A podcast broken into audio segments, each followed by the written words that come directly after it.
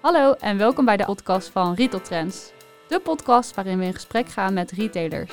En het gaan hebben over de successen en blunders uit hun retailcarrière. Eigenlijk zou deze maand Diederik Schnietger van Loos 5 de gast zijn bij de podcast van Retail Trends. Maar de coronacrisis heeft daar verandering in gebracht. Na overleg hebben we besloten de podcast met Diederik nog even door te schuiven. En deze maand in gesprek te gaan met een retailer over het onderwerp dat ons al weken bezighoudt.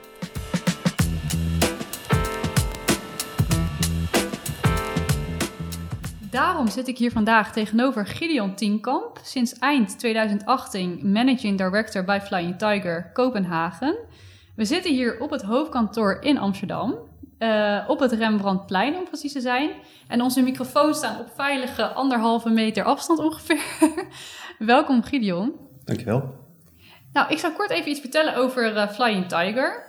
Het retailconcept werd in 1995 opgericht in Denemarken en wordt in ons, in ons land ook wel de Deense HEMA genoemd. Uh, Flying Tiger staat bekend als leuke dingenwinkel met lage ronde prijzen. Er worden artikelen van het eigen merk Tiger verkocht, onder meer op het gebied van speelgoed, kantoor en cadeau. En uh, het Scandinavische design van de producten is strak en clean, vaak met een humoristische touch. Klopt allemaal wat ik zeg? Ja, dat klopt helemaal. En uh, inmiddels zijn er wereldwijd ruim 950 winkels, verspreid over zo'n 30 verschillende landen.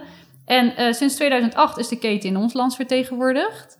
Uh, en inmiddels zijn hier 23 filialen te vinden. 22 om precies te zijn. 22, oké. Okay. Mijn laatste informatie die zei uh, 23. Kan het dat er eentje gesloten Ja, we hebben vorig is? jaar besloten om onze vestiging in Almere te sluiten. En dat is onderdeel van de strategie. Oh. Okay. Uh, waar ik je straks verder uh, nog wel iets over kan vertellen. Ja.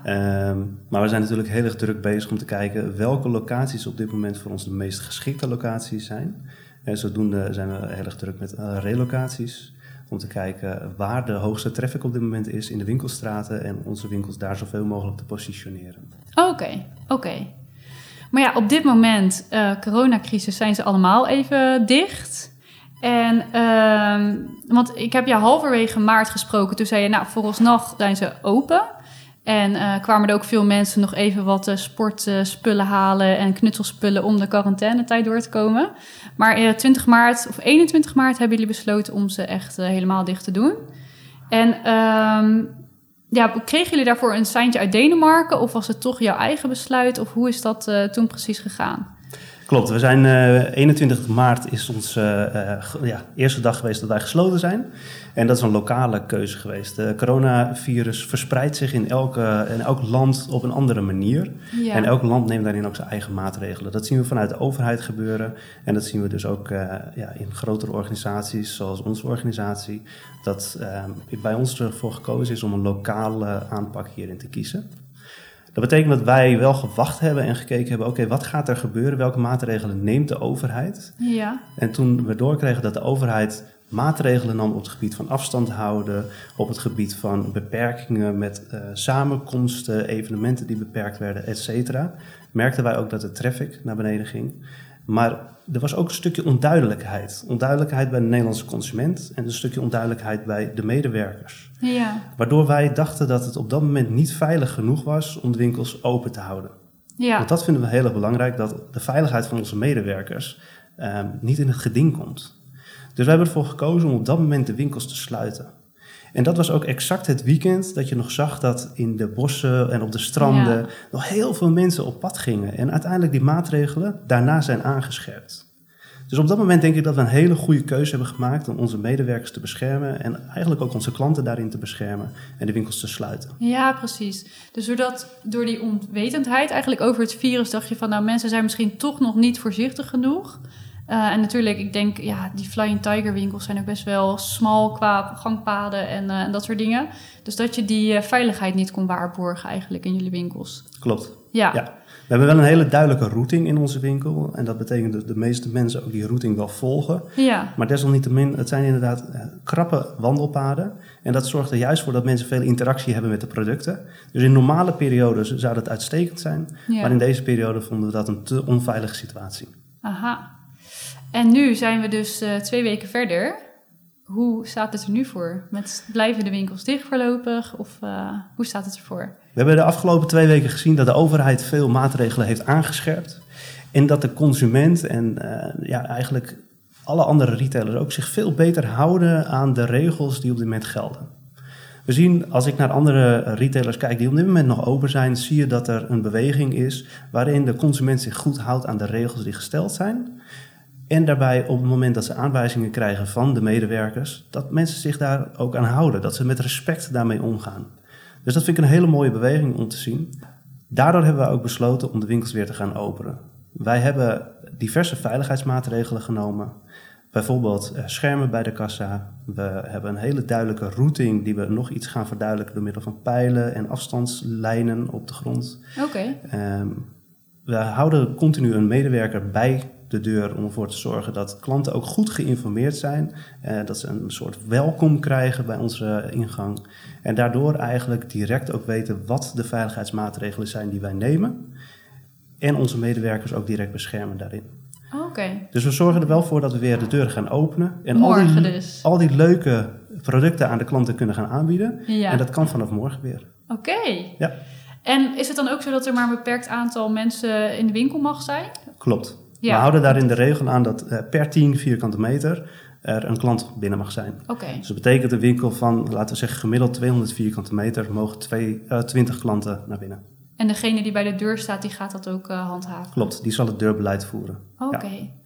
En in de afgelopen twee weken ben je dan ook heel erg hiermee bezig geweest met ehm, het toewerken naar van als de winkels weer open mogen, hoe, eh, hoe komt dat eruit te zien? Ben je daar vooral druk mee geweest? Of, eh, Ja, de afgelopen twee weken waren heel divers.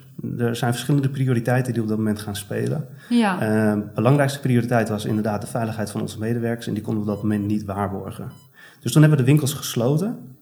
Als vervolg daarop eh, kom je natuurlijk ook in een, een liquiditeitspositie waar je goed naar moet kijken als organisatie, want er komt geen omzet binnen. Dus we zijn gaan, zijn gaan kijken en in gesprek gegaan met bijvoorbeeld de verhuurders. ehm, om met de verhuurders te kijken wat voor mogelijkheden er daadwerkelijk kunnen zijn. En wij hebben niet het standpunt ingenomen, we betalen geen huur. Want uiteindelijk begrijp ik ook heel goed dat verhuurders ook zo hun vaste lasten hebben. ja. Maar we hebben jarenlange relaties. We bestaan al bijna twaalf jaar hier in Nederland. En veelal in dezelfde winkelsteden op dezelfde locatie. Dus die, de relaties gaan al jarenlang mee. En die wil ik ook goed behouden. Dus in veel gevallen heb ik in, in goed overleg samen met de verhuurder een, een goede deal kunnen maken. Waardoor we uiteindelijk eh, samen daarin weer sterker eruit komen. Ik zie het ook echt als een samenwerking, een, een lange termijn strategie. We hebben op dit moment pijn. Het is op dit moment ehm, ja, een hele vervelende situatie voor iedereen. Ja. We delen die pijn samen en uiteindelijk worden we op lange termijn daar weer sterker van. Maar je ziet dus ook wel ehm, dat, die, dat die verhuurders eigenlijk ook wel willen. Dus dat ze best wel bereid zijn om, eh, als je met ze in gesprek gaat, om daar naar te kijken van wat is er mogelijk. En eh, je ziet daar wel bereidheid, zeg maar, aan die aan In die veel kant. gevallen wel. Ja, Ik wil niet zeggen in alle gevallen, nee. maar in veel gevallen is er heel, heel veel begrip. En ook de mogelijkheid om daarin te acteren.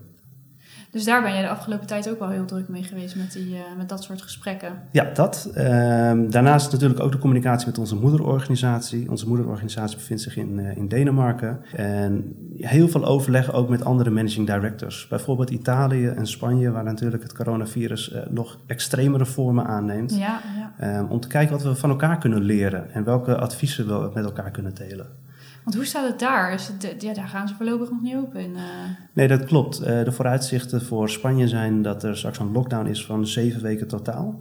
En voor Italië gaat het al richting de acht weken. ja. Dus dat zijn eh, heftige situaties. ja, zeker. Maar waar ik dan ook wel heel erg benieuwd naar ben in jullie geval, want jullie hebben geen eh, webshop in Nederland. Ik weet eigenlijk niet, is dat in Denemarken, hebben jullie dat wel? Of in andere landen? Of... Op dit moment loopt er alleen een test met een webshop in Denemarken. Oké. Dus andere landen hebben op dit moment geen webshop. Nee, dus jullie hebben geen webshop. Dan Klopt. zie je heel veel retailers die daar nu gaan verschuiven. Daar proberen dan eh, inkomsten te genereren. Hoe doen jullie dat? Is, staat het nu, is de omzet nu helemaal nul? Of proberen jullie op andere manieren nog eh, inkomsten te genereren? Of hoe, hoe doen jullie dat? Nee, op dit moment is de omzet inderdaad nul. En ehm, uiteraard hebben wij al, nou, heel lang verleden van het kijken naar een webshop opening. Ehm, vorig jaar heb ik daar zelfs nog een business case voor gemaakt en gepresenteerd richting eh, onze moedermaatschappij. Ehm, maar ook in mijn eigen business case kom je al heel snel naar voren dat onze gemiddelde besteding, die ongeveer rond, rond de 5 euro ligt, erg laag is en daarmee de handlingkosten, verpakkingskosten en verzendkosten van een, een online webshop ehm, ja, Ja. niet voldoende zal zijn. Dan hou je het er heel moeilijk uit. Ook qua Klopt. verzending en eh, dat soort Klopt. dingen. Dus dat betekent dat je de consument zou moeten doorrekenen voor dit soort eh, extra handlingkosten, verzendkosten, et cetera. En dan is de vraag of de consument dat daadwerkelijk zou willen. Ja, Dat weten wij niet, dat kan ik niet voor de consument invullen. En daarom hebben wij nu een test in Denemarken lopen, waarin de eerste e-store van Flying Tiger geopend is. En eigenlijk alle testresultaten worden ook direct met ons gedeeld. Zodat wij precies weten wat de effecten zijn. En zeker nu in een coronavirus situatie ja. eh, zien we dat er een hele positieve trend is op e-com. En dat wij daarin een, een mooie beweging laten zien. Ehm desalniettemin zullen we ook moeten kijken naar de winstgevendheid. Dus in hoeverre is deze situatie winstge- winstgevend en kunnen we dat kopiëren in andere landen. En kan je al iets vertellen over die testresultaten in, eh, in Denemarken? Volgende week krijg ik daar meer eh, informatie over. Dus Oh. helaas kan ik dat op dit moment nog niet delen.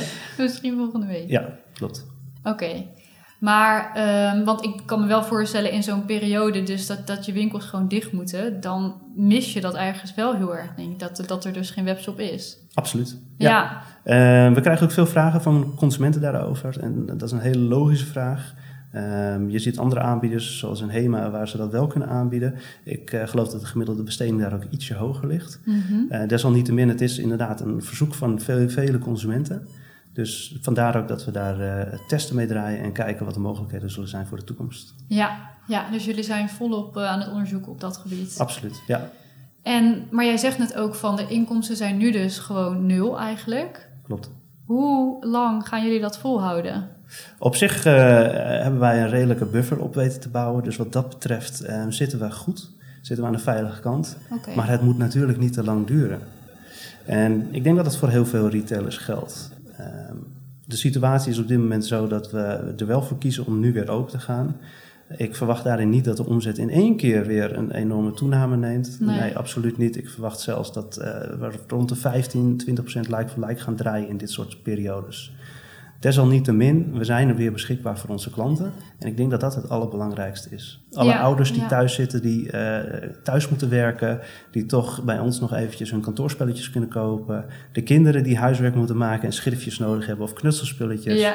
Die we dat toch weer kunnen gaan aanbieden. Dus dat heeft de voornaamste focus voor ons. En dus voordat jullie dichtgingen, hebben jullie ook wel een kleine piek gezien dus daarin? Ja, Dat mensen ja. echt... eh, Zeker in dat soort artikelen, eh, Ja. die ik net al eventjes opnoemde, zagen we echt een enorme piek. Ehm, ook eh, de sportartikelen, we hebben wat sportartikelen voor voornamelijk thuissporten. Eh, de yogamatjes, de dumbbells, et cetera. En je Ja. ziet daar in één keer een piek, omdat alle gyms gesloten werden. Oké, maar ehm, dus nu hebben jullie bes- besloten om open te gaan. En merk je dan ook nog wel angst bij jullie personeel? Dat ze het, dat ze toch wel spannend vinden om daar morgen weer, eh, weer te staan? We hebben vorige week een call gehad met alle store managers, waarin eh, we dit aankondigden. Ja. En het is een, een prachtige reactie die we daarin zagen.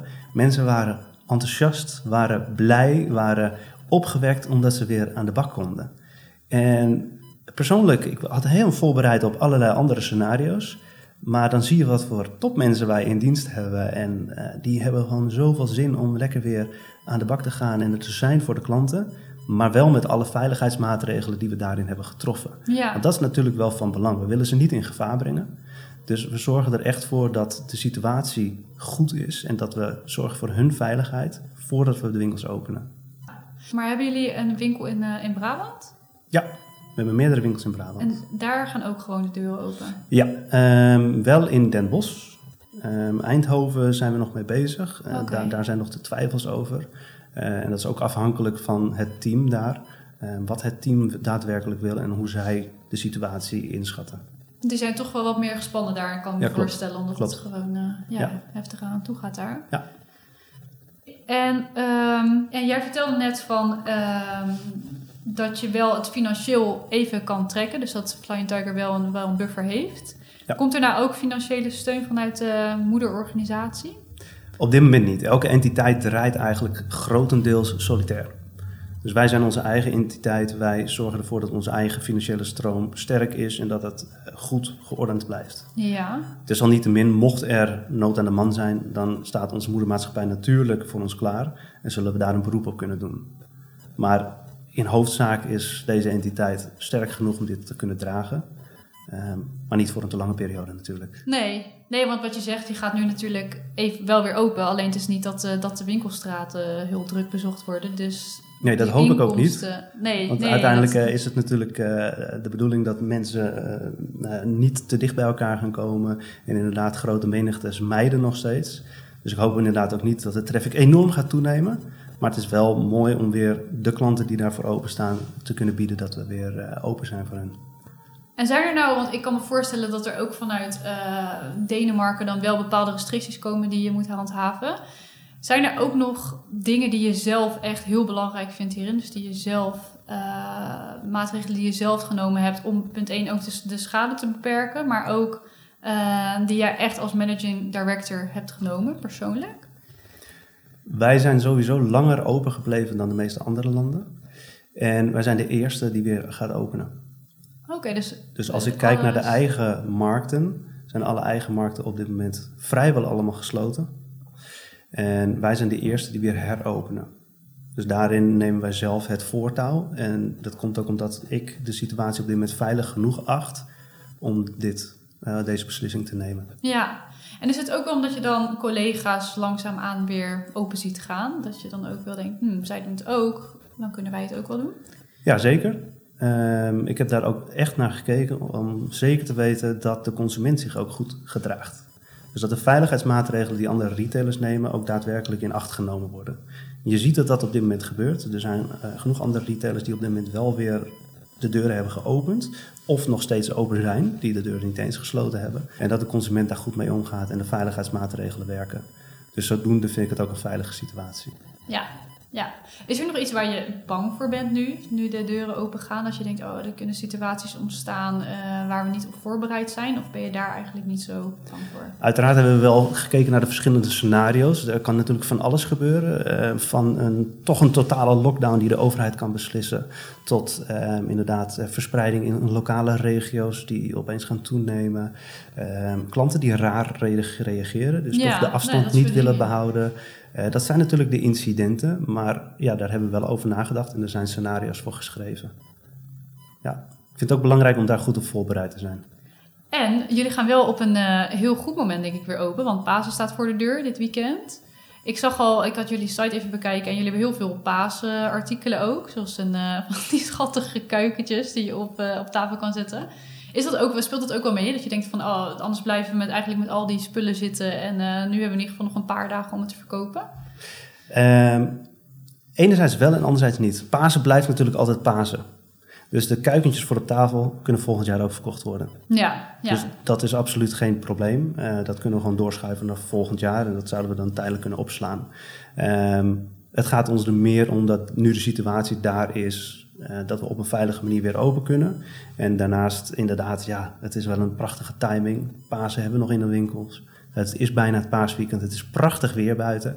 Dus ik kan me voorstellen dat er toch behoefte is aan het leuke aankleden van je, van je tafel thuis. Dat je lekker met je gezin of met je vriend, vriendin samen een leuk paasbrunch of paasontbijt kan hebben. Ja. Uh, ja, en daar kunnen wij dan in voorzien.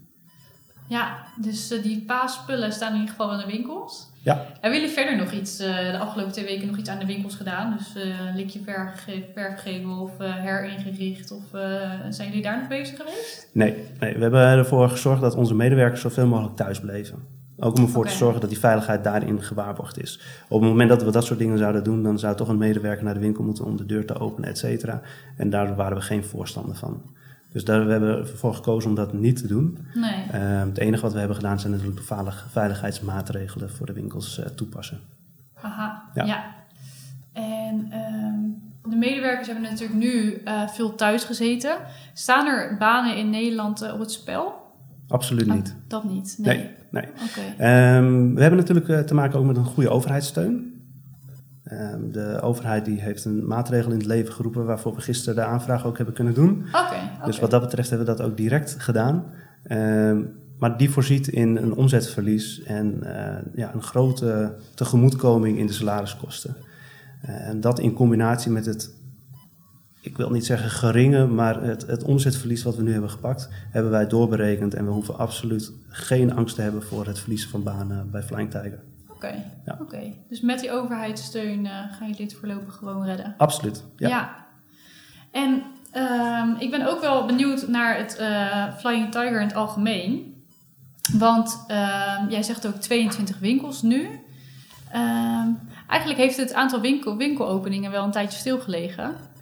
Want even kijken, jij bent eind 2018 ben jij eh, als managing, managing director aangetreden. En ehm, daarna zijn er geen nieuwe wi- winkelopeningen meer geweest. Waardoor komt dat? Klopt. En dat is ook een hele bewuste keuze geweest. Ehm, op het moment dat ik startte, merkte ik dat deze organisatie een hele mooie groei door heeft gemaakt de afgelopen 11 jaar. Toen ik startte, ongeveer 11 jaar. Ehm, en dat de organisatie wat dat betreft eh, volwassen is. Desalniettemin zijn er ook heel veel punten waarop we kunnen verbeteren. En dat zijn vaak de punten die toch wel in de basis goed moeten staan. Bijvoorbeeld systemen. Uh, bijvoorbeeld een heel goed team hier op het hoofdkantoor. En dat zijn de punten waar ik voornamelijk aan heb gewerkt. We hebben nu een fantastisch team staan hier op het hoofdkantoor, die eigenlijk daardoor ook de service kunnen bieden naar onze winkels. We hebben uh, systemen geïmplementeerd om ervoor te zorgen dat we veel meer efficiëntie hebben. En de basis qua onze locaties heeft hem vooral gezeten in het heronderhandelen van huur, als we op een goede locatie zaten. Ja. Kijkend naar relocaties als we naar mijn opinie niet op de juiste locatie zaten. En er staan op dit moment wat relocaties gepland voor dit jaar. En daarna, de derde stap eigenlijk, is weer het uh, daadwerkelijk vergroten van ons netwerk. En daar hebben we een witte vlekkenplan voor. En uh, ja, die zou ook dit jaar de eerste stapjes moeten gaan zetten. Aha. Desalniettemin is de kans groot dat we dat toch doorschuiven naar volgend jaar. Oké, okay, dus dat er dit jaar helemaal niks geopend wordt en uh, dat jullie daar volgende week, uh, of volgende week, volgend jaar uh, de focus op gaan leggen. Mochten er fantastische um, deals voorbij komen, dan absoluut, dan sta ik daar natuurlijk zeker voor open en kunnen we daar naar kijken. Ja. Maar op dit moment heeft dat niet de hoogste prioriteit. Maar en jullie hebben dus wel al gekeken naar locaties, relocaties noem je dat? Ja, een relocatie. Een uh, locatie die we op dit moment hebben. Dus uh, een bepaalde stad waar we wel zitten, maar niet helemaal de juiste match hebben met de voetbal.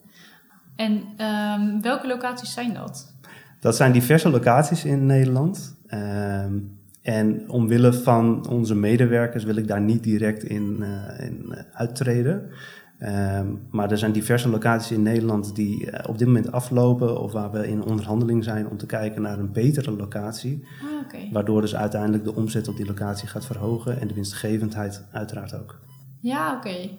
En want wij zitten hier dan in Amsterdam op het Rembrandtplein. En we hadden het er net al even over voor, uh, voordat we gingen opnemen. Dat het is een hele ja, grappige locatie eigenlijk voor een winkel. Want het zit uh, omringd door allerlei terrasjes en uitgaansgelegenheden eigenlijk. Hoe zit het met deze locatie? Is dat wel voor jullie een, een goede locatie? Of zou je dan toch liever ergens anders in Amsterdam willen zitten? Deze locatie is uh, uiterst winstgevend en het is gewoon een prachtige locatie. Uh, het is ook een zichtlocatie, dus wat dat betreft, uh, ja, we zijn heel goed zichtbaar. Uh, marketingtechnisch is het een pracht, prachtgebied hier. Ja, het is wel een heel mooi, heel ja. mooi pand. Ja. ja. Um, maar als ik kijk naar de beste retail-locatie, dat is het natuurlijk niet. Qua retail, uh, er zit haast geen retail hier omheen. Het zijn voornamelijk uh, uitgaansgelegenheden. Dus wat dat betreft zouden we wellicht een andere locatie in Amsterdam prefereren. Dat zou ook kunnen betekenen dat het een tweede locatie zal zijn. Ik geloof namelijk niet dat deze locatie zal bijten met een meer retail georiënteerde locatie hier in Amsterdam. Dus wat dat betreft zou dat heel goed naast elkaar kunnen bestaan. Dat zit onder andere in ons witte vlekkenplan, een tweede locatie in Amsterdam. En want ik ben, net, ben nog even benieuwd, want je vertelt nu dus van dat er dus wel een plan is voor nieuwe winkelopeningen. Maar wereldwijd heeft Flying Tiger eigenlijk een hele snelle expansiestrategie. Uh, want ik las dat er zelfs twee tot drie winkels per week worden geopend, normaal gesproken. En, en nu even niet. Nee, nu natuurlijk even niet. nu staat alles even stil. Maar in normale tijden uh, is, is dat wel zo. Klopt. Ja, de expansie binnen Flying Tiger is uh, heel hard gegaan de afgelopen jaren. Um, en ja, daarmee hebben we een groot netwerk van bijna duizend winkels. Ja. Uh, inderdaad, wat je zelf al zei, in uh, 30 landen. En ja, wat dat betreft hebben we echt uh, heel hard aan de weg getimmerd. Maar er zijn ook nog steeds heel veel kansen. Ja. Er zijn nog steeds gebieden waar we nog niet uh, heel goed vertegenwoordigd zijn. En ja, daar staan de komende jaren natuurlijk ook nog heel veel kansen op de, op de planning. Ja, precies. Ja. ja, en dat het hier dus nog niet zo hard gaat als het misschien wereldwijd gaat, dat komt vooral omdat er gewoon, uh, omdat die strategie herzien moest worden. Absoluut. Ja, ja klopt. Ja. En ehm, even afgezien ook van de laatste week uiteraard, maar hoe zijn de recente prestaties van Flying Tiger in uh, Nederland? Kan je daar iets over zeggen? Uh, Jazeker, Nederland presteert ongeveer gelijk als de andere Europese landen. En daarmee bedoel ik dat we wel een lichte daling hebben gezien. Uh, zeker op het gebied van traffic. Uh, de ja. meeste retailers hier in Nederland zullen dat denk ik wel beamen. Dat de traffic iets aan het afnemen is. desalniettemin wat wij hebben kunnen bewerkstelligen is dat de conversie stijgend is. Het bombedrag is licht stijgende. En daarmee hebben we nog een, een hele kleine neerwaartse tendens gezien in 2019. Het positieve is dat wij een stukje margeverbetering hebben weten te realiseren door een iets betere inkoop. Um, en wat dat betreft toch eigenlijk wel weer een hele positieve flow hebben kunnen laten zien. Dus ja, um, als we daarnaar kijken, 2019 is uh, een goed jaar geweest. 2020 begon wat moeilijker in januari. We merkten in februari wel een stukje herstel. Ja. Ja, en toen kwam maart. Ja. En in maart uh, kwam het coronavirus om de hoek kijken. En ja, sindsdien zitten we in een heel ander uh, vaarwater. Ja. Maar ook daar hopen we de komende maanden gewoon weer uh, bovenop te kunnen komen. Maar en wat verwacht je dan van... nou ja, het duurt, zal vast wel even duren voordat het allemaal weer normaal is natuurlijk.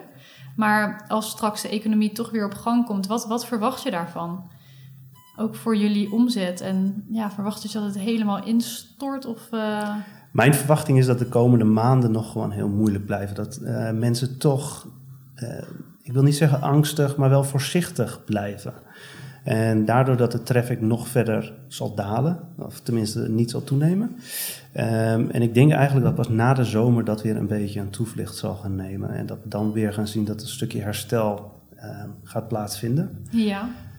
Desalniettemin, we weten niet hoe dit verder gaat ontwikkelen. Het kan ook zijn inderdaad dat er rond de herfst het virus weer de kop op gaat steken. Ik hoop het absoluut niet. En ik uh, hoop dat de strategie van de overheid daarin ook voldoende werkt. Ja, ja. Um, ik persoonlijk heb daar heel veel vertrouwen in.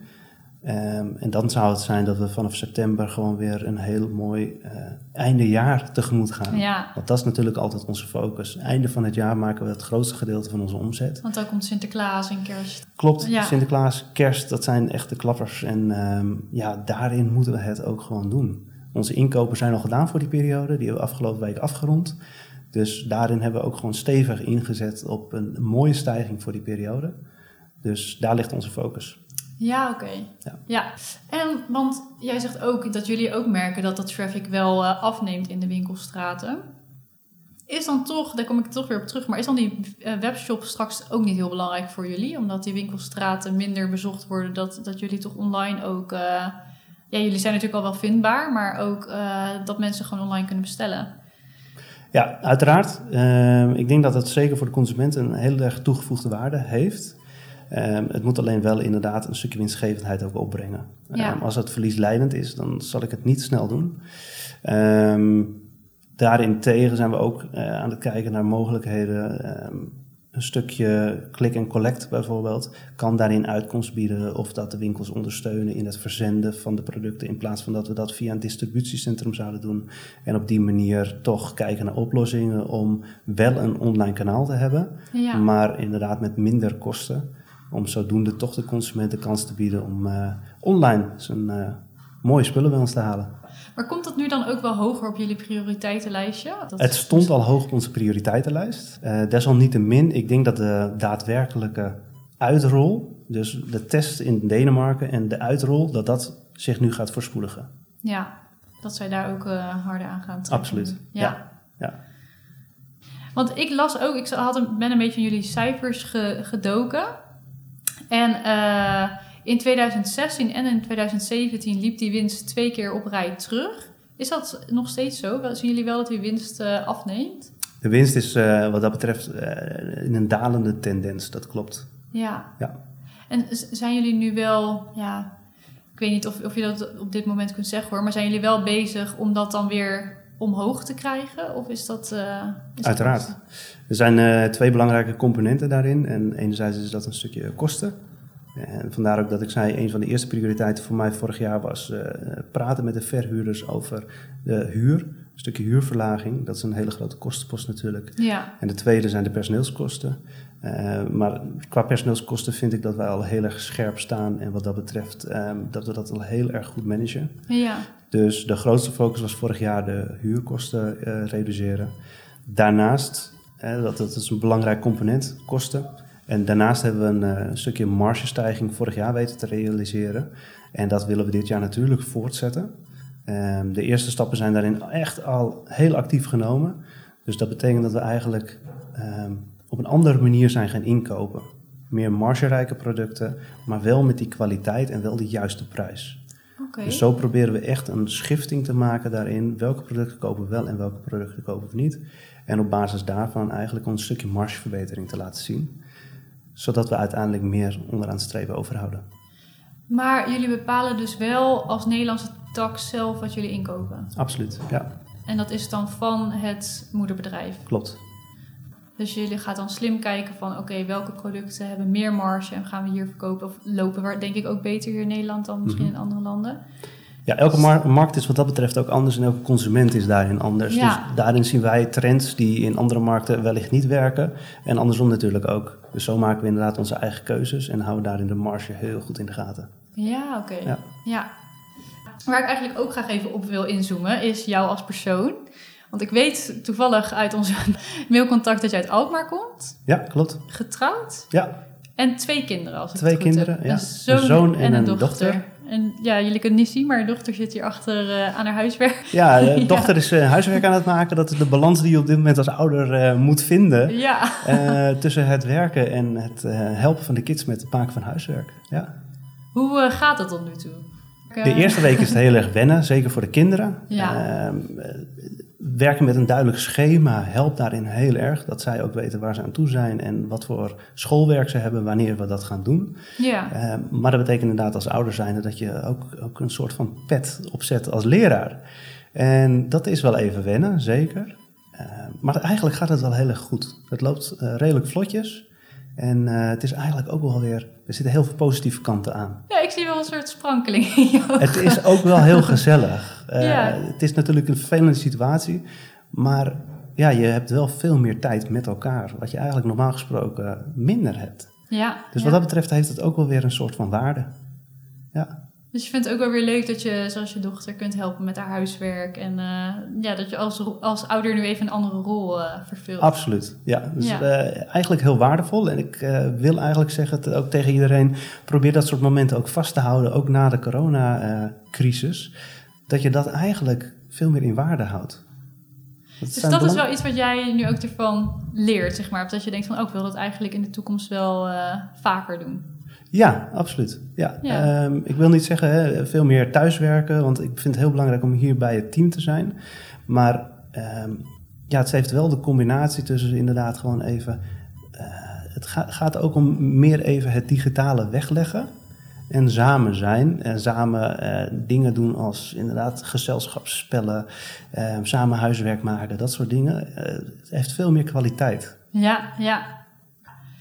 En ik, heb even op jouw cv gekeken op LinkedIn.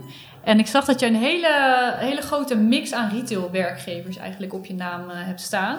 Zo zag ik dat je bij ehm, Apple hebt gewerkt, Perry, eh, Pandora zag ik nog voorbij komen. Ja, klopt. En, eh, maar ook op de winkelvloer bij Kijkshop, daar ben je begonnen volgens mij. Ja, Als store manager en later als regio manager. Ik ben om mijn zeventiende begonnen bij de Kijkshop. Ja. En dat was eigenlijk mijn eerste echte retail-ervaring.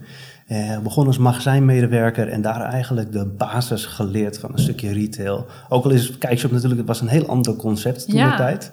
Vitrinewinkel. Ja, vitrineverkoop Ja. inderdaad. Maar je leert wel ehm, eh, voorraadbeheer, eh, wat, hoe hou je een magazijn netjes bij. Maar ook de financiële stroom kwam daar al snel bij kijken.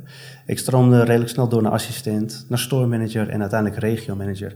En wat dat betreft is dat een hele mooie leerschool geweest. Ja, Ik ben wel een persoon met ambitie, geen stilzitter. Ik ben iemand die bezig wil blijven en zichzelf wil blijven ontwikkelen. Ehm, zodoende heb ik gezocht naar verschillende organisaties die eh, enerzijds een mooie uitdaging hadden liggen en anderzijds mij ook konden triggeren. Zodoende kwam ik bij Perisport terecht. Ehm Pedisport is een prachtig bedrijf, prachtige werkgever. Ehm, ik kom daar nog steeds heel erg graag. De beleving die ze ook weten neer te zetten in de winkels vind ik fantastisch. Ja. Ehm, maar toen Apple kwam, ja, Apple ben ik zelf al jarenlang fan van. En de eerste Apple Store in de Benelux werd geopend.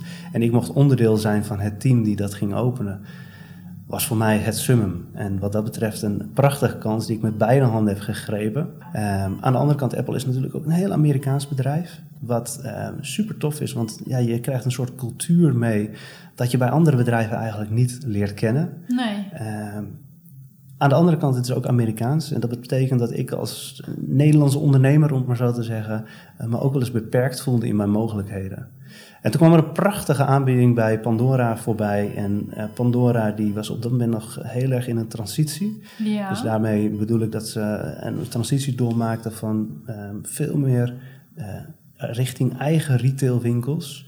Vanuit een stukje wholesale-minded naar steeds meer retail-minded. En ja, die transitie dat sloot perfect aan bij mijn ambitie op dat moment. En zodoende ben ik daar volledig ingestapt. Aha. En vijf jaar bij Pandora gezeten en ik kan wel zeggen dat dat de mooiste ervaring is geweest die ik uh, in mijn uh, carrière op dit moment heb meegemaakt. Oké, okay, dat was Voor... ook inderdaad wel een vraag. Ik was heel benieuwd, waar heb je nou, wat was nou je mooiste ervaring bij welke retailer? Ja, dat was echt Pandora. En dat heeft ermee te maken, dat zeg ik nu op dit moment, maar ja. dat heeft ermee te maken omdat we zoveel vrijheid kregen om de markt te runnen zoals wij dat goed achten. En daarbij ook echt het team konden samenstellen waarvan wij dachten van hey, hiermee kunnen we de oorlog winnen. Dit, dit is het team die de organisatie verder gaat helpen. En als je dat dan bij elkaar zet, je hebt de juiste mensen bij elkaar gevonden, je hebt met elkaar bepaald wat de strategie is, wat de doelen op lange termijn zijn en iedereen heeft het neus dezelfde kant op en dat werkt, dan kom je in zo'n positieve flow dat je met elkaar eigenlijk alleen maar succes kunt bereiken. En dat hebben we in die jaren kunnen doen en vast weten te houden. Dat is een heel bijzonder moment en uh, ja, dat koester ik nog steeds heel erg. Okay. We hebben nog heel veel contact, ook onderling, met de, de oud-collega's van Pandora, om maar zo te zeggen. En ja, daarin merk je dat we nog steeds adviezen met elkaar delen en met elkaar over bepaalde onderwerpen brainstormen. Dat is gewoon heel erg gaaf hoe je dat contact hebt opgebouwd en hoe er eigenlijk een soort vriendschappen zijn ontstaan. Ja. Dus wat dat betreft een hele bijzondere, mooie periode geweest. Dus ook eigenlijk wel uh, op het perfecte moment daar terechtgekomen. Ja, dus net absoluut. dat zij bezig waren met die transitie en uh, met de juiste mensen waar dat dus heel erg uh, goed mee ging. Ja. Ja. ja, op de een of andere manier tref je dat, of tref ik dat in ieder geval vaak aan, dat ik juist op het goede moment binnenkom en daarin ook mijn, mijn weg kan vinden en de juiste uitdagingen vind voor mezelf. Ja. En dat dan dus ook met beide handen kan aangrijpen. En dus ook wel door die verschillende ervaring dat ook weer op andere plekken kunt toepassen, denk ik. Ja. Ja, want Ja, wat je zegt, Apple-cultuur is heel anders dan, uh, dan een Pandora. Maar dan kan je dus wel die Apple-cultuur weer meenemen naar, zeker, naar zo'n bedrijf. Zeker, ja. ja. Wat, wat, wat, kan je daar een voorbeeld van geven? Van uh, iets wat je daaruit hebt meegenomen en nu uh, ook weer toepast? Apple heeft een hele mooie manier van het benaderen van klanten bijvoorbeeld. En ehm, als je bij Apple begint, dan staat het hele team staat voor je uh, te klappen als je binnenkomt voor het eerst. En dan denk je, wow, wat gebeurt er? Maar drie maanden later sta je voor je eigen teamleden zo te klappen. En dat, dat is heel erg mooi, dat geeft een heel warm gevoel. Dat warm gevoel probeer je mee te geven aan de uh, medewerkers, nu ook hier bij Flying Tiger. Maar zeker ook bij Pandora heb ik dat eigenlijk allemaal mee proberen te nemen. Aan de andere kant heb je ook de manier hoe Apple klanten benadert. En dat is dat, dat verbaasde mij toen de tijd al, want op het moment dat ik zelf naar een computer ging kijken, dacht ik altijd: oké, maar wat zit erin? Wat voor processor zit erin? Wat voor beeldscherm? En uh, hoe snel is mijn videokaart, et cetera. Bij Apple draaien ze dat om. De vraag bij Apple is: waar ga je het apparaat voor gebruiken? Waar heb jij het nou echt voor nodig? Is het alleen voor je studie? Oh, dan heb ik hier het perfecte apparaat. Want dat sluit precies aan, stabiel, um, even goed, goede videokaart, et cetera. Maar het sluit aan bij jouw behoeftes. Dus het ging veel meer over de behoeftes van de consument. Het ging Ja. echt veel meer over de persoon. Ja, en dat heb ik ook zeker meegenomen weer naar bijvoorbeeld een Pandora. Pandora verkoopt sieraden, een heel ander product. Desalniettemin, het is een heel persoonlijk product. Dus daarin kun je ook steeds meer inzoomen op daadwerkelijk de klant. En waarvoor, voor wat voor moment is die klant aan het zoeken? Waarvoor komt die klant bij jou? Dus inderdaad, wat je dan leert bij Apple, dat neem je ook weer mee naar een Pandora. En zelfs bij een Flying Tiger. En dat klappen laat je hier denk ik wel achterwege, want dat is dan dat hele Amerikaanse. Maar wel die, die persoonlijke warme benadering, wat je zegt, dat neem je dan dus wel mee. Ja, een onderdeel die wij eh, hier bijvoorbeeld geïntroduceerd hebben is een, uh, een welkomstdag voor onze medewerkers. Dus om ze dan toch weer dat warme welkom te geven als ze hier daadwerkelijk beginnen, hebben we een welkomstdag hier bij Flying Tiger, waarin uh, nou, ik ook een stuk presenteer, waarin ik gewoon dichter bij de mensen kom. En dat doet iedereen hier op het hoofdkantoor. We hebben ook een, een vragenronde waarin ze gewoon bij mij op kantoor komen en me alle vragen mogen stellen die ze op dat moment op hun hart hebben. Dat zorgt ervoor dat we een hele goede binding hebben met elkaar. En ik denk dat dat toch wel aspecten zijn die ik heb meegenomen van vorige werkgevers. Ja, ja, ja. Maar geldt dat dan voor alle medewerkers? Dus ook een oproepkracht, die komt hier dan ook op het kantoor? En, uh... Ja, iedereen. Ja. iedereen die op dat moment uh, daar behoefte aan heeft, die dat wil, die mag zich daarvoor opgeven en die mogen gewoon langskomen. Leuk. Ja. dus dat zijn echt wel ervaringen die je, die je dan meeneemt. Absoluut. Maar ook, want uh, ik, wij hebben tenminste zelf bij Retail Trends wel gemerkt dat, er bij, dat we hadden gesproken met een, een medewerker van, uh, van Apple. En uh, dat ze eigenlijk bijna haar baan kwijt was, omdat zij met de media had gepraat. En dat dat uh, ja, eigenlijk niet zomaar mag buiten, buiten Apple om. Heb je dat ook zo ervaren daar, dat het toch wel een hele ja, streng bedrijf is? er zijn hele strikte richtlijnen. Het is een Amerikaans bedrijf. Is een woord, ja. En ze willen eigenlijk alles inbakenen. Um, een simpel voorbeeldje is dat er in de magnetron, als je een magnetron koopt, staat erin dat je bijvoorbeeld je huisdieren niet in mag doen. Dat zijn Amerikaanse tafereelen. Ja, ja, ah, Apple probeert op dat moment ook alles zo goed mogelijk in te perken. Toen wij de winkel openden op het Leidseplein, um, stond er natuurlijk een hele rij met mensen. En op het moment dat wij foto's wilden maken, de privacywetgeving in Nederland was toen nog niet zo scherp als dat al in Amerika was. Dus op het moment dat wij foto's wilden maken van de mensen in de rij, gingen we al iedereen eigenlijk langs om daadwerkelijk een formulier te laten ondertekenen dat ze akkoord waren met het laten nemen van de foto's en het gebruik van de foto's. Dus wat dat betreft waren zij daarin al iets verder dan, ja, ik wil niet zeggen Europa, maar dan, dan wij in Nederland in ieder geval. Ja, ja. Dus ze hebben gewoon hele strikte regels. Uh, en dat is inderdaad ook wat je zegt, denk ik wel, het exact, Amerikaanse. Ja. Waar, waar, waar hele, iedereen zich aan moet houden. Ja, ja. De, de, richtlijnen zijn heel strikt en duidelijk. Ja. En waarom besloot jij toen van uh, Apple naar Pandora te gaan? Voornamelijk omdat ik op dat moment voelde binnen Apple dat ik meer ondernemersgeest had. Dat ik meer uh, mezelf tot uiting wilde laten brengen. En binnen die richtlijnen die mogelijkheden niet kreeg. En bij Pandora lag dat er wel. Bij Pandora kon ik dat met beide handen aangrijpen. Dus dat trok me heel erg aan op dat moment. Dus zodoende dat ik die keuze heb gemaakt. En je was wel zelf al op zoek gegaan? Of is het dan toch iets wat zo toevallig op je, op je pad komt? Ik werd hiervoor benaderd en ja, dan komt dat op je pad. En dan is dat heel interessant op dat moment. Zeker met wat Pandora op dat moment aan het doen was. En de fase waar zij in zaten en wat ik daarin kon bijdragen. Voelde dat gewoon heel erg goed. Ja, ja. En toen, hoe, heb je toen de overstap van, uh, want volgens mij je hebt Pandora dus ook als een hele fijne werkgever ervaren. En toen die overstap toch naar Flying Tiger, hoe is dat dan gekomen? Pandora koos er als organisatie voor, en dat is de laatste tijd al wat vaker in het nieuws geweest ook, dat Pandora ervoor heeft gekozen om een uh, soort centralisatiestructuur neer te zetten.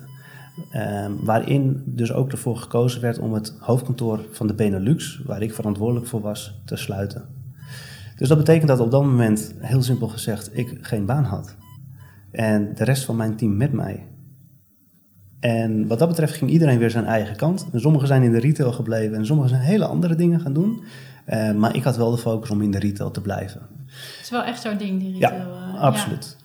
Pandora is een Deense organisatie en Flying Tiger is ook een Deense organisatie. En via oud-collega's van Pandora kwam ik zodoende bij Flying Tiger terecht.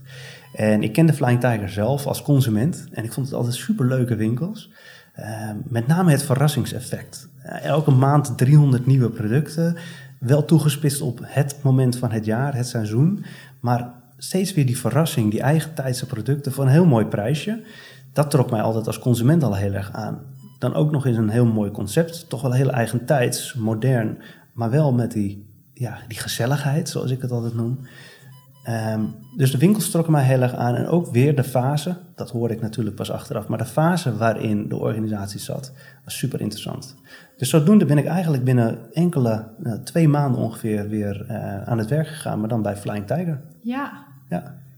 Maar en, want ja, ik kan me voorstellen, want het is natuurlijk een klap als, uh, als ze dan besluiten van nou, dat hoofdkantoor gaat dicht. Was dat het, heb jij dat ook vooral zo ervaren? Of was het voor jou ook zoiets van, oh ja, maar nu is het ook wel weer voor mij de kans om, uh, om mijn vleugels te spreiden en weer een nieuwe uitdaging? Ik was nog niet klaar bij Pandora, om heel eerlijk te zijn. Want we hadden net de Belgische entiteit overgenomen. En dat, die, hadden we geïntegreerd in de Nederlandse entiteit. En uh, daar lagen nog zoveel kansen. En dat kan ik eigenlijk met zekerheid zeggen voor de rest van het managementteam in Nederland. Wij waren eigenlijk nog niet klaar met Pandora in de Benelux. Maar goed, zo'n keuze wordt voor je gemaakt, dus je moet verder.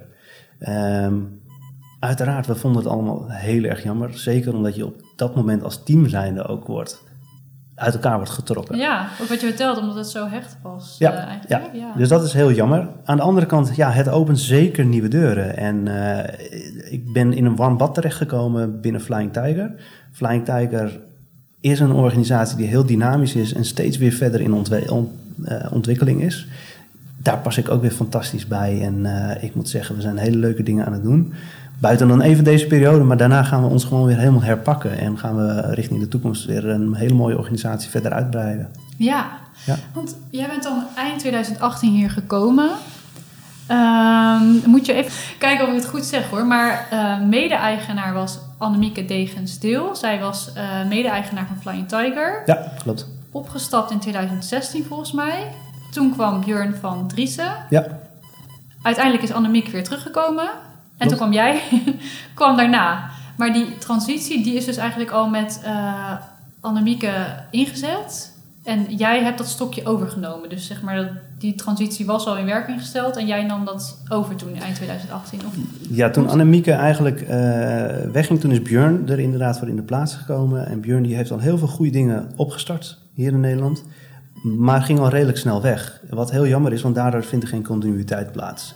Toen is Annemieke teruggekomen en die had op dat moment um, eigenlijk meer de opdracht um, zorgen ervoor dat de boel zo blijft draaien zoals het nu draait. En dat heeft ze ook weer fantastisch gedaan. Annemieke is eh, prachtig. Die is een hele goede ondernemer en heeft deze organisatie fantastisch neer weten te zetten. Maar de laatste periode dat ze hier gewerkt heeft, uh, had ze als opdracht om te continueren, om, om uh, niet grote verandering door te brengen. Dus op het moment dat ik hier startte in december, heb ik nog ongeveer een maand de tijd gehad om van Annemieke de kennis en ervaring te leren. Wat super interessant is, want ja, ze had een bak aan ervaring, dat is enorm. Ja. Um, ja, en daarna eigenlijk de strategie bepalend voor de rest van de periode. En dat hebben we dus vorig jaar, begin vorig jaar eigenlijk gedaan. Ja. De strategie eerst gezegd, oké, okay, dat wordt de basis goed en stevig neerzetten. Hier het team op het hoofdkantoor, de juiste mensen op de juiste plek. En ervoor zorgen dat we die systemen hebben om een stukje efficiëntie te pakken. En daar kunnen we dan weer op voortborduren. Dus die fase hebben we vorig jaar eigenlijk doorgemaakt. En dit jaar is de fase inderdaad om verder te kijken op de lange termijn. Welke winkels willen we nu uh, reloceren en uh, daadwerkelijk gaan openen? Ja, maar heb je dan ook wel moeilijke beslissingen moeten nemen, bijvoorbeeld ook qua personeel uh, op personeelgebied? En dan sowieso straks met de locaties, denk ik. Maar dat soort dingen horen er inderdaad bij. Ja, ja, dus jij kwam ook wel echt op dat moment dat die, dat die hardere beslissingen misschien uh, genomen moesten worden. Ja, wel altijd met een doel en een strategie in gedachten. Maar ja, daar passen inderdaad ook uh, soms beslissingen bij die wat harder overkomen. Ja, ja. zeker. Vind je dat lastig? Zeg maar, ik kan me sowieso wel voorstellen dat het lastig is. Maar ja, dan zit je toch wel uh, op een bepaalde positie. En dat, dat soort dingen lijkt me wel echt heel, heel moeilijk om te, als het mensen aangaat, blijft het altijd moeilijk. Ja. En uiteindelijk zijn er vaak mensen in betrokken bij de beslissingen die je neemt. Dus ja, dat zijn moeilijke keuzes die je maakt. Maar uiteindelijk heb je een strategie, uiteindelijk heb je een doel voor ogen. En om tot dat doel te komen, moet je dat soort beslissingen wel nemen. Dus dat sterkt je dan in zo'n beslissing. Uiteindelijk is dat het juiste om te doen. En neem je dan toch die beslissing. Maar wel altijd inderdaad proberen om zo goed mogelijk neer te zetten, om zo goed mogelijk te communiceren en de mensen met een zo goed mogelijk gevoel uh, dan, indien het mensen betreft, weg te laten gaan. Uh, uiteindelijk hebben die mensen er ook jaren gewerkt. Jarenlang hebben ze heel veel bijdrage geleverd. En ja, uiteindelijk gaan, gaan we uit elkaar. En ik hoop dan altijd dat het voor die mensen op de juiste manier uh, weer op zijn pootjes terechtkomt. En daar ondersteunen we ze dan ook wel in. Dus er zijn gevallen inderdaad waar we dan geholpen hebben om ervoor te zorgen dat ze de vervolgstappen in hun carrière hebben kunnen maken. Is er dan een soort eh, opleidingsbudget of eh, omscholingsbudget? Of, eh, We hebben daar inderdaad in dat geval een budget voor vrijgemaakt. Ja. Oké. En ehm, ja, ik heb al best wel veel gevraagd over de retail-ervaring, maar ehm, even kijken hoor.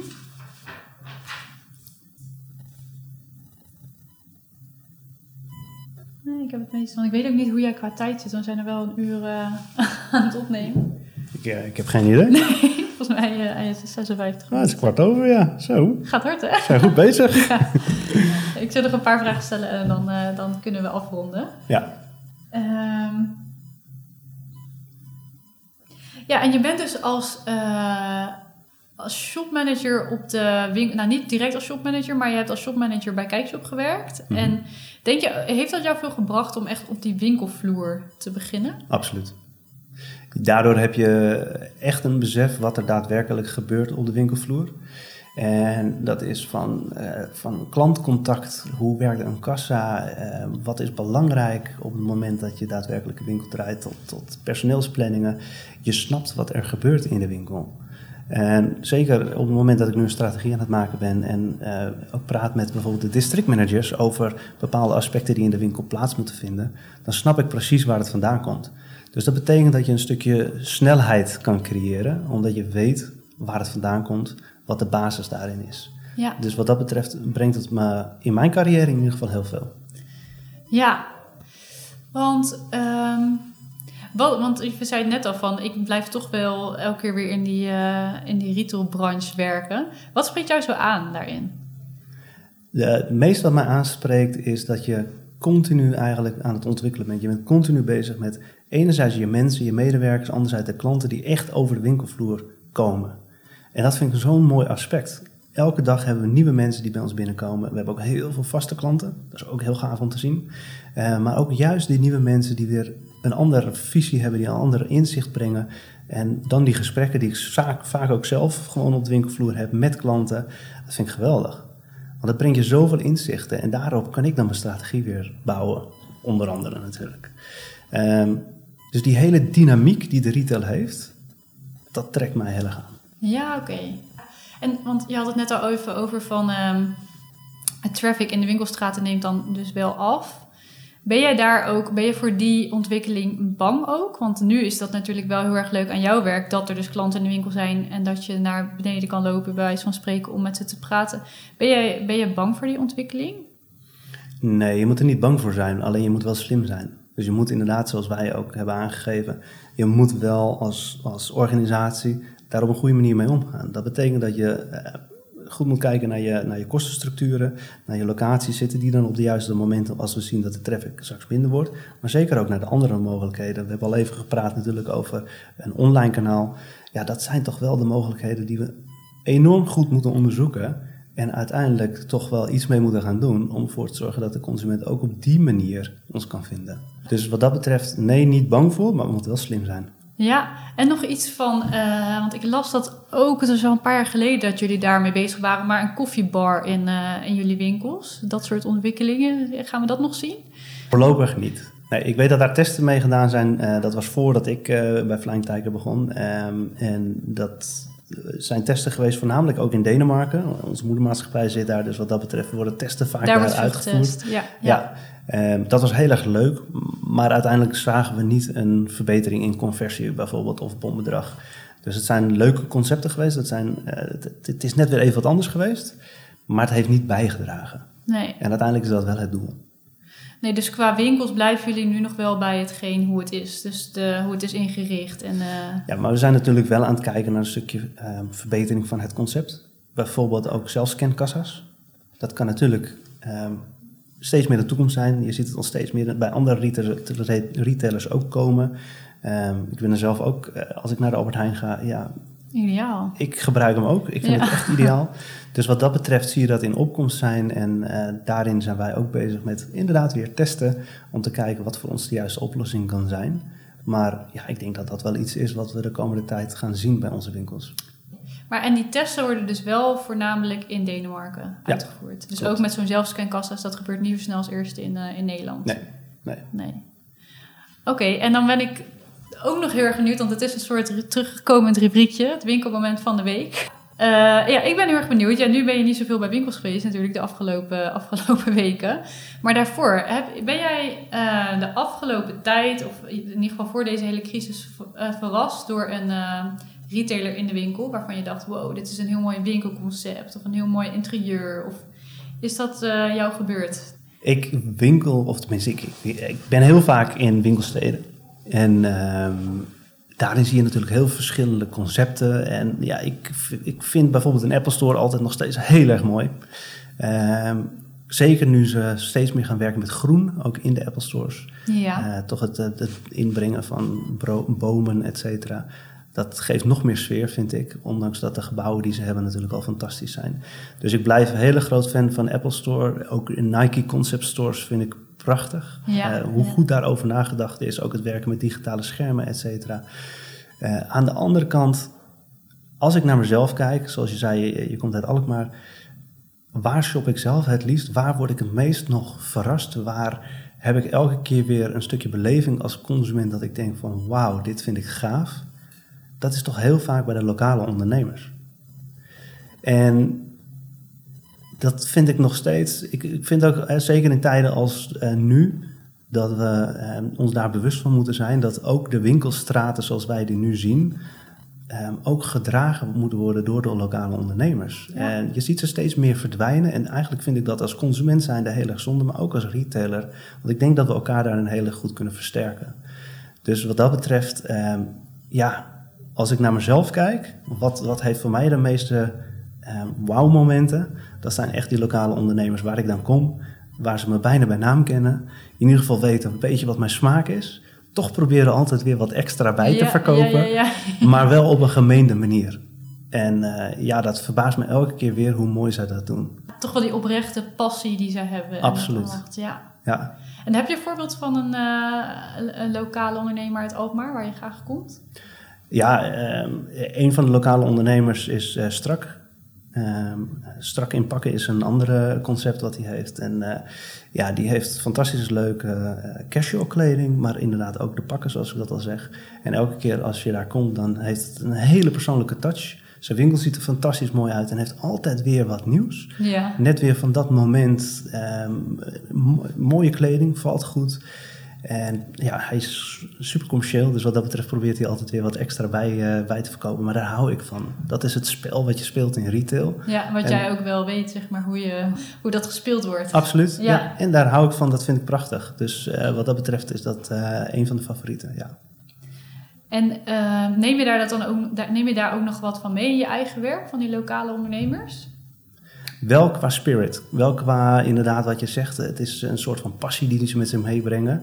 Het is eh, het echte pure ondernemerschap. Ja, dat, dat neem ik absoluut mee in mijn gedachten ook over de organisatie hier. Eh, we passen heel veel lokale ondernemerschap toe. En dat mag ook, dat is de vrijheid die we krijgen. Ondanks dat we een internationale organisatie zijn. Maar op het moment dat ik bij zo'n lokale ondernemer ben geweest, is dat toch wel hetgeen wat het meest bijblijft. En wat ik dan toch ook wel eh, echt als, als reminder voor jezelf in je hoofd heb van... hey, laten we in ieder geval die passie en dat lokale ondernemerschap hoog in hoog vaandel eh, houden. Ja, Ja. dus bijvoorbeeld met zo'n eh, zo'n dag waarop personeel hier komt op, op het hoofdkantoor, dat is misschien ook wel een voorbeeld daarvan, waardoor je het wat persoonlijker houdt en het niet alleen maar een grote keten is of zo. Maar, Absoluut, ja, Ja. klopt. Zeker. En heb je nou veel vrijheid hier als eh, managing director van Nederland, of wordt het toch wel heel veel van bovenaf besloten uiteindelijk? We krijgen heel veel adviezen. We krijgen heel veel te horen inderdaad. Oké, dit is wat andere landen doen en eh, neem daarin een, een voorbeeld. Maar uiteindelijk ben ik verantwoordelijk voor de entiteit. Ben ik verantwoordelijk voor de eindresultaten. En daar word ik ook verantwoordelijk voor gehouden. Dus wat dat betreft hebben we nog redelijk veel vrijheid. Klopt. En als je het dan vergelijkt bij andere eh retail eh, werkgevers waar je werkzaam bent geweest, is- heb je hier Als dan we echt kijken naar internationale organisaties, was dat eigenlijk alleen bij Apple niet het geval. Oké. Ehm, en bij Pandora en bij Flying Tiger is dat zeker het geval. En om eerlijk te zijn, daar functioneer ik ook het beste bij. Oké. Nou, ik wil je echt heel erg bedanken voor je tijd. En ook vooral dat je de moeite hebt genomen om in deze tijd eh, toch een podcast op te nemen. En heel erg veel succes morgen met de winkels die dan Dankjewel. eh, langzaam weer open gaan. En eh, ja, we gaan horen hoe dat eh, gaat uitpakken. Dankjewel. Jij ook heel erg bedankt voor je tijd en eh, ik vond het erg leuk om te doen. Bedankt voor het luisteren naar de podcast van Retail Trends. Elke maand staat er een nieuwe podcast voor jullie online.